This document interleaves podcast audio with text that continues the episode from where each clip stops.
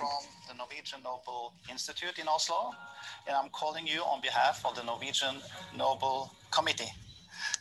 And it's a great pleasure for me, Maria, to inform you that at the local time here in Oslo, Ja, så lät det när Maria Ressa ringdes upp av Norbergska Nobelkommittén. Och det jag slås av när man hör samtalet här det är att han direkt säger du får det här för din modiga journalistik i Filippinerna. Eh, och det värmer ju mig som har jobbat en del på Filippinerna och följt Maria Ressa sedan hon startade Rappler 2012.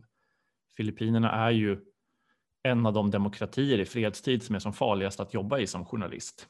Eh, och bara liksom sen 2016 så tror jag 12 journalister har dött och innan dess så har ju landet rekordet för, rekordet låter hemskt att säga, men en av de värsta massakrerna på nyhetsmedier i modern tid inträffade ju i Mindanao 2009.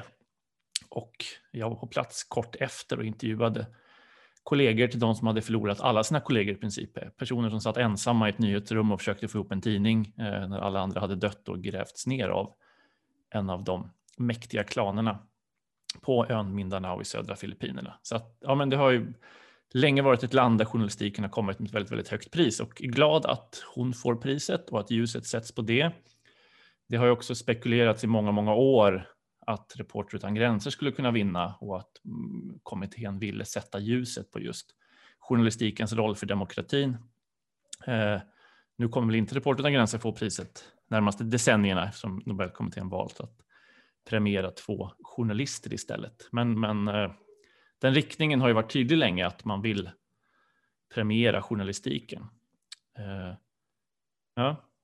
Men jag uppfattade, när man har eh, lyssnat i kapp lite, så uppfattar man det lite, eh, det som är min poäng i relation till eh, kritiken mot journalister som ägnar sig åt en väldigt stor del av eh, tech-bashingen, att liksom ge sig på bara techjättarna så att säga, så tycker jag faktiskt att i, i, i, i fredsprisets val Eh, för de får ju frågan också om varför inte mm. en organisation utan de facto två journalister.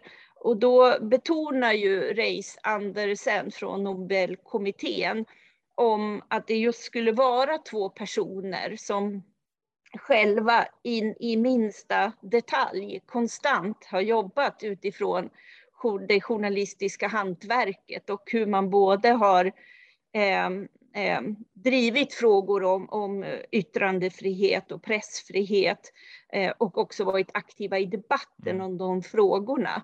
Så jag, jag, upplever det verkligen, vikten av att lyfta fram två exempel på personer som, som jobbar precis på det sättet. Ehm, men de sa ju också att, så jag upplever det att, att det å ena sidan är en hyllning till journalistiken, men att jag för första gången känner att det är någon som lyfter det jag eh, försökte också säga i en debattartikel i GP tidigare i veckan, apropå eh, kritiken som har framkommit och den pågående granskningen mot eh, Facebook och Wall Street Journal, så säger de ju också att vi upptäcker att människor manipuleras av pressen och faktabaserad högkvalitativ journalistik är faktiskt mer och mer begränsad. Så väldigt medvetet ge priset till journalister som ägnar sig åt högkvalitativ journalistik, men gör ju faktiskt en stor poäng av att inte bara prata om sociala medier generellt som en problematik, utan också att media är det. Det tycker jag var väldigt mm. spännande och viktigt. För så är det ju, vi kan liksom inte sätta oss på den här höga yttrandefrihets och pressfrihetshästen utan att ha en insikt om att i det, i det dagliga, ofta, inte av nämnda journalister här, eh, som har premierats och fått fredspriset, men på, på, redaktioner runt om i världen och även i Sverige, så, så eh, har man ju faktiskt varit, jag anser att det är än mer allvarligare, varit Eh, nyttiga idioter åt hur människor har manipulerat och använt Facebook för sina egna mm. syften. Liksom. Eh, jag ja, nej, men, men, ja, jag har jag inte sett tolkat Nobel. Jag har inte läst hela den officiella motiveringen. Det kanske finns mer där, men det som har blivit Eh, i den, liksom, de texter som har skrivits efter att Maria Ressa fått priset som många har lyft fram. Den här andra, hon för ju tvåfrontskrig någonstans som hon beskriver det, att dels mot förhållanden på Filippinerna, mot Duterte, hon riskerar 100 års, liksom över 100 år i fängelse om hon döms för allting. Hon är anklagad för ja, allt från eh, en artikel som då publicerades 2012 som hon menar att hon själv inte skrev och inte var med och publicerade men som publicerades på The Rappler och som eh, kritiserar en lite halvskum affärsman och hans kopplingar. Den har hon ju liksom, ja, finns en, en, en, rättsprocess på Filippinerna kring den och sen kring skattebrott och en mängd liksom saker som de filippinska myndigheterna har varit kritiska och varit på henne för eftersom hon har granskat Dutertes dödspatruller och utomrättsliga avrättningar och liksom hård granskande journalistik. Men det är ena delen. Den andra, andra grejen är ju hennes kritik mot Facebook framför allt och om man ser hon de sista åren när hon reser runt på globala konferenser så är det ju att varna för liksom, techjättarna och för, för Facebook. Men det är väl mer den delen av hennes gärning som har lyfts fram. Eh, och det är någonting som du har liksom problematiserat i veckan i en text. Då. Du jobbar också nu på en text just om det kring eh, att det blir så förenklat att skylla på algoritmer och teknik och inte på det egna ansvaret. Och rubriken på en debattartikel du hade i GP i veckan var just att det är inte Facebook som är problemet, det är användarna. Eh, ja. ja, och då vill jag ju peka ut användarna som just medier, politiker, opinionsbildare som väldigt, väldigt medvetet bara har fortsatt att mata den här, eh, de här engagemangsalgoritmerna. Liksom. Och, och det som provocerade mig till att skriva den debattartikeln, det var ju något som Francis Hogan som huvudkällan till Wall Street Journals väldigt djuplodande granskning som pågår och kommer fortsätta eh, lyfter eh, fram är ju att hon bland annat refererar till en rapport från europeiska politiker som lyfter fram hur bekymmersamt det är för att engagemangsalgoritmerna gör att de måste liksom att de blir tvungna att agera på ett visst sätt för att nå ut. Eh, och, och, när vi då pratar om att det betyder att man eh, jobbar med en retorik som är väldigt eh, ofta hatfull, hotfull eller angriper och att man hela tiden söker det vassa och provocerande så är det något annat än att anpassa sitt budskap efter kanaler som man väl har gjort alltid. Liksom. Det här är ju det här är ju att sälja ut demokratin.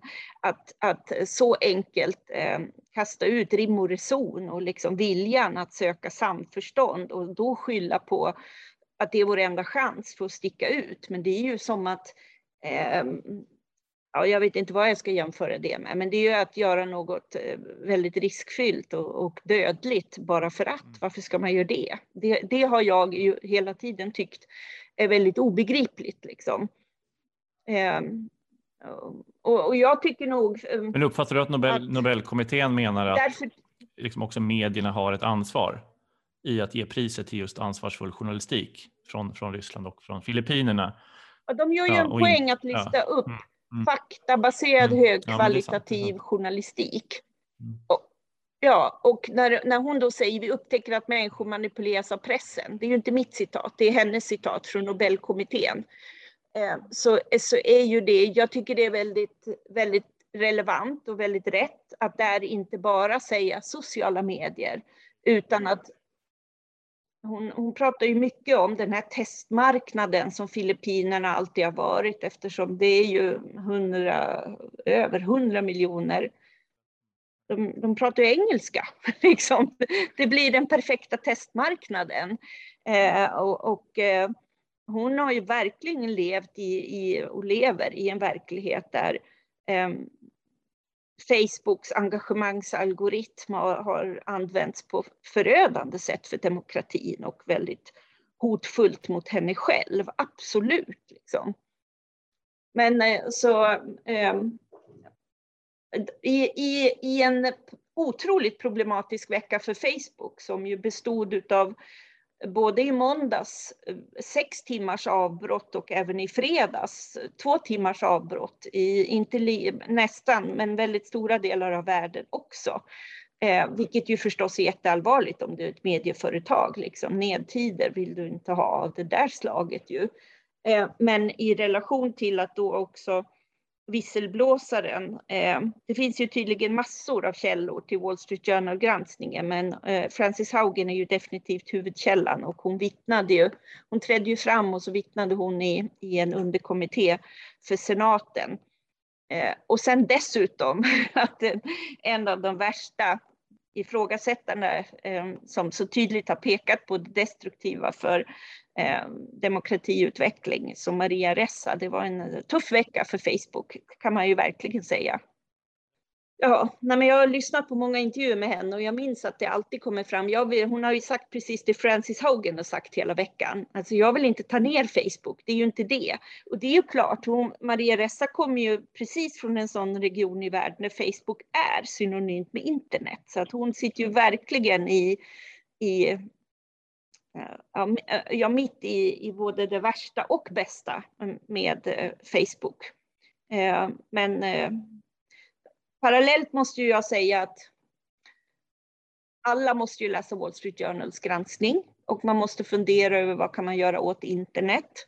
Kanske inte så mycket vad ska man göra åt, åt Facebook eh, utan, eh, utan åt internet i stort. Och jag vet inte när det här är ändå eh, liksom, det, är, det, är ju, det är ju ganska stora saker och i relation till eh, att Maria Ressa fick det här priset också så, så jag slås ändå med häpnad av att man då i medierna när man ska analysera eh, kritik mot Facebook i veckan, eh, eh, att man vill påminna om att Facebook är, ändå är som en nation idag och att de har större makt än Sveriges riksdag.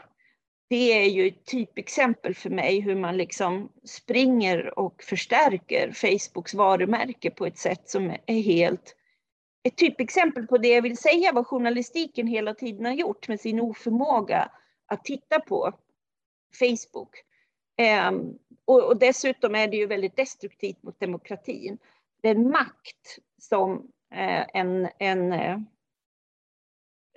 folkvald statsminister har är något annat än den makt vi väljer att tillskriva ett teknikföretag. Liksom. Det, jag tycker det är otroligt anmärkningsvärt och, och sätter fingret på varför eh, journalistiken mm. är en lika stor del av det problemet. Ingen, det blir ju absurt att jämföra med en stat. Ja. Det finns ingen armé, det finns ingen, det finns ingen demokrati. Det, eh, men så var det man tänker när det diskuterades som mest kring globalisering och så, så var det ofta gärna att man jämförde de här största företagen i världen med, med just stater. Eh, och det blir ju, om man bara tittar på liksom hur mycket omsätter de i rena pengar, men då, tittar man, då missar man ju att se alltså, ja, dels demokratiska perspektivet och dels också ja, eh, Nej, det blir, det blir jämföra äpplen och päron någonstans. Jo.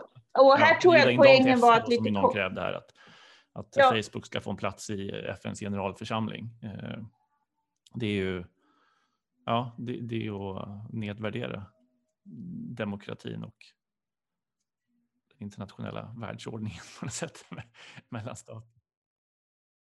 Ja, och jag tror att det var sagt lite i relation till, men dels är det ju så konstigt att slänga in det svenska eh, päronet då, vår folkvalda statsminister, i relation till ett amerikanskt börsnoterat företag.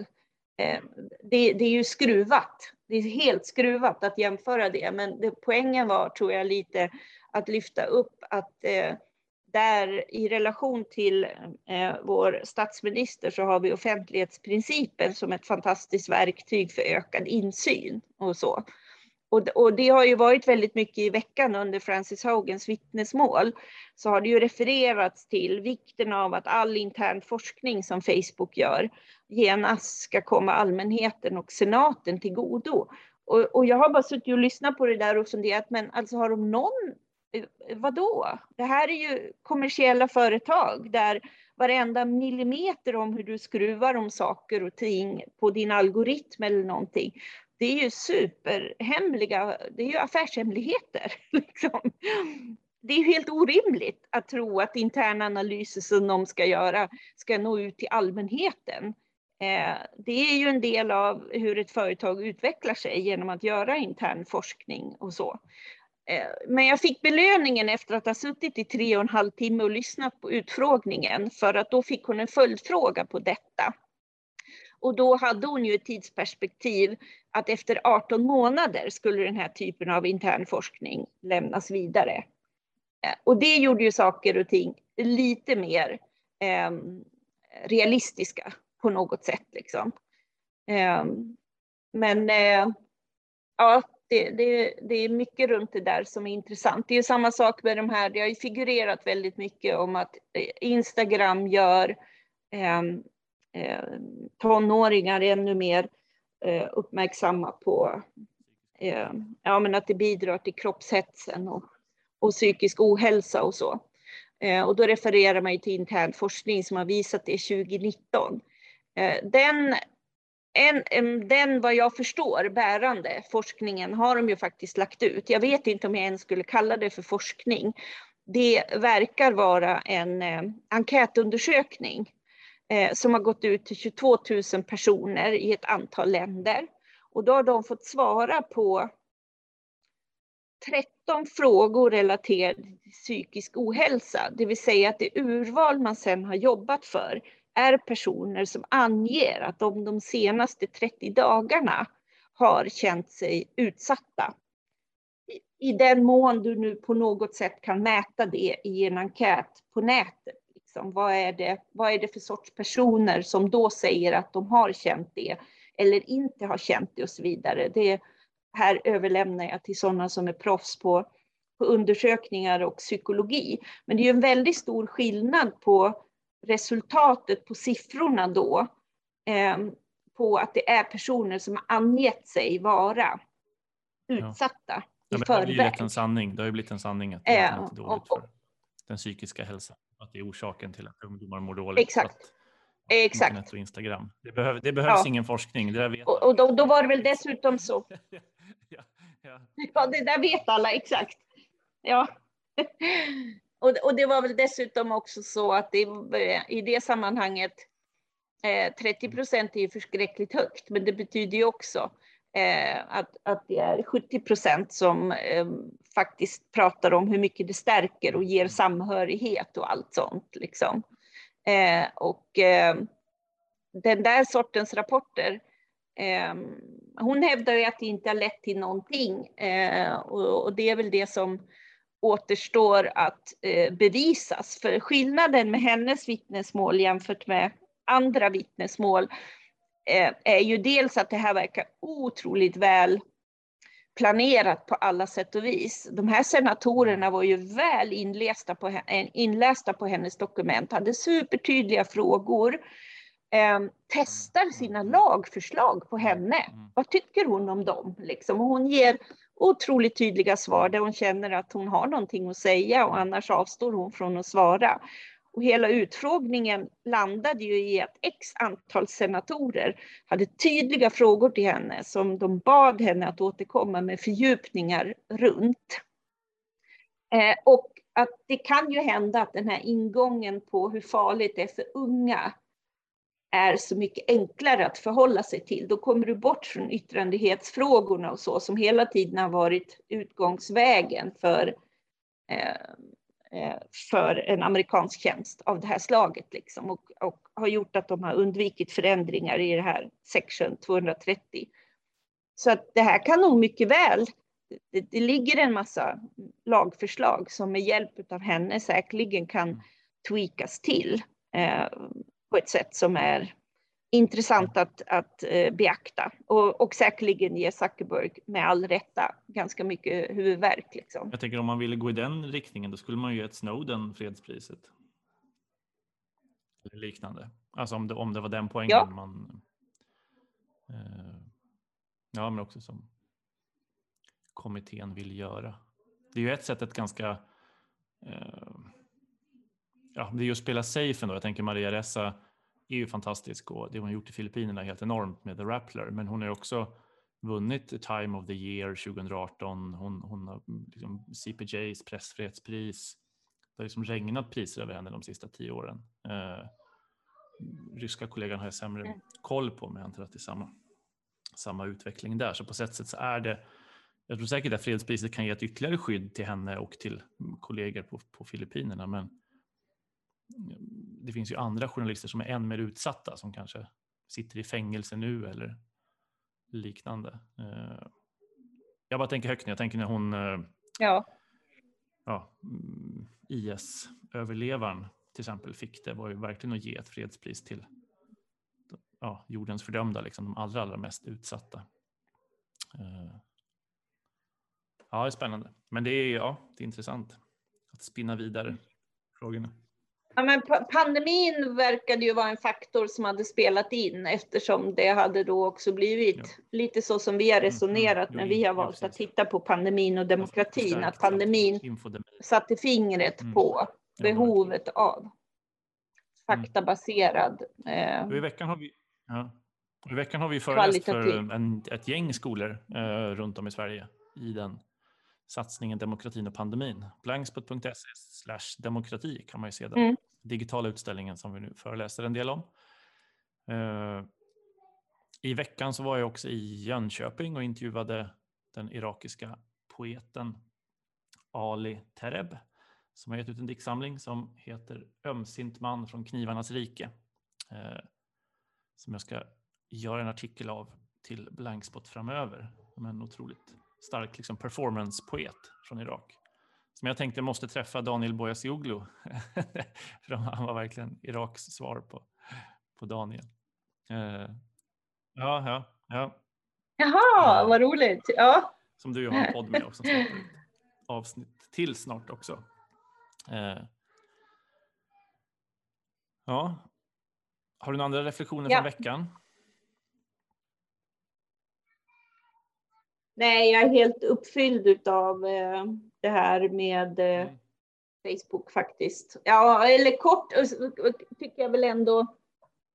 Det blir ju spännande att se vad som händer med Österrike som ju har en regeringskris där förbundskanslern Sebastian Kurz som i fredag sa att han skulle sitta kvar, men som igår kväll eh, hade en presskonferens där han meddelade att han kliver åt sidan efter att under veckan ha eh, fått eh, ännu fler korruptionsanklagelser, bland annat att han ska ha gett jobb till en nära vän, vilket han har förnekat sedan länge, men nu har det tydligen kommit fram eh, underlag för att det inte alls var konversationen dem emellan säger, men också att eh, ha betalt eh, en sån här gratistidning som heter eh, Österrike.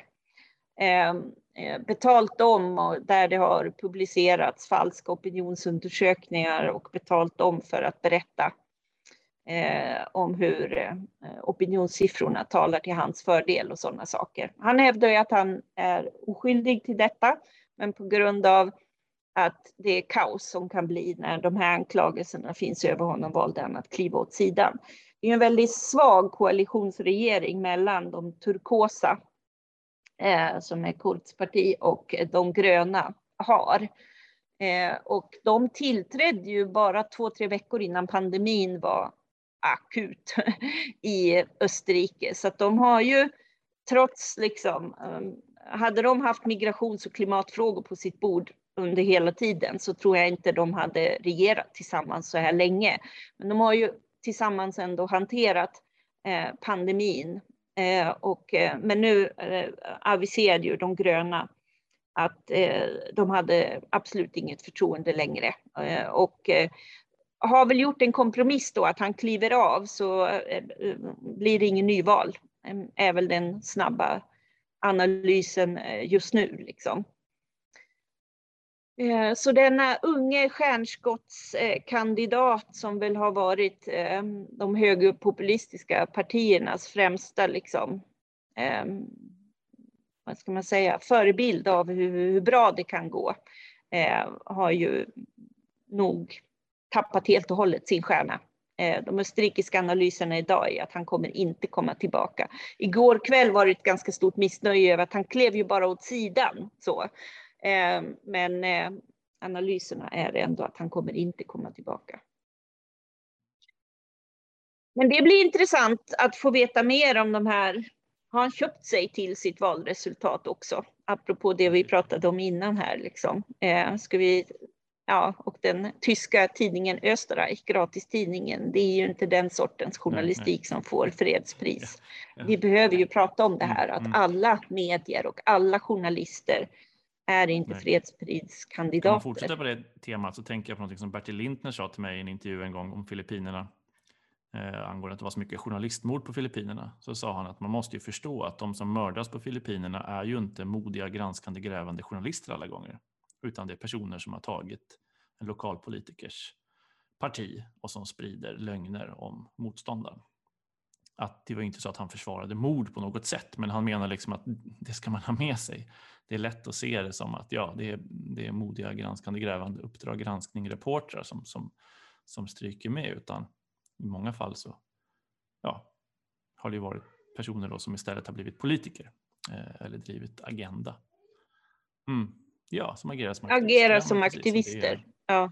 Någonstans livsfarligt ja. och det ja, har jag skrivit om på Blankspot också i den här texten om Maria Ressa att den här debatten som finns i det filippinska journalistförbundet att det är så farligt att jobba. Men nu håller man sig då vid liv och olika sidor har då krävt att om inte staten skyddar oss så måste vi beväpna oss och andra har menat att nej, det är liksom de pressetiska reglerna vi måste bära innanför västen hela tiden och ha med oss. Alla måste komma till tals, alla måste få kolla sina citat. Eh, vi får inte ha några faktafel eh, för att det blir livsfarligt helt enkelt.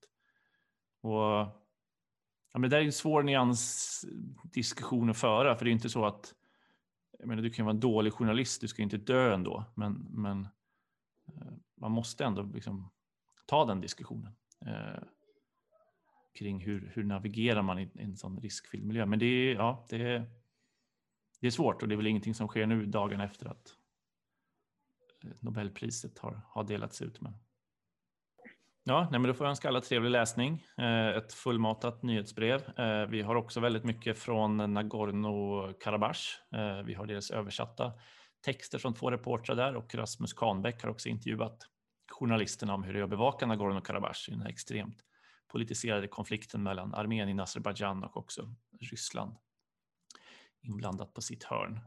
Vi rapporterar också från indiska upproret mot jordreformen i Indien, där ju bönder i Indien har demonstrerat under ett års tid och man protesterar då mot att eh, systemet för prissättning av jordbruksprodukter ändras i Indien. En liberalisering kan man säga av systemet. Man vill ha kvar det gamla statliga, mer förutsägbara systemet.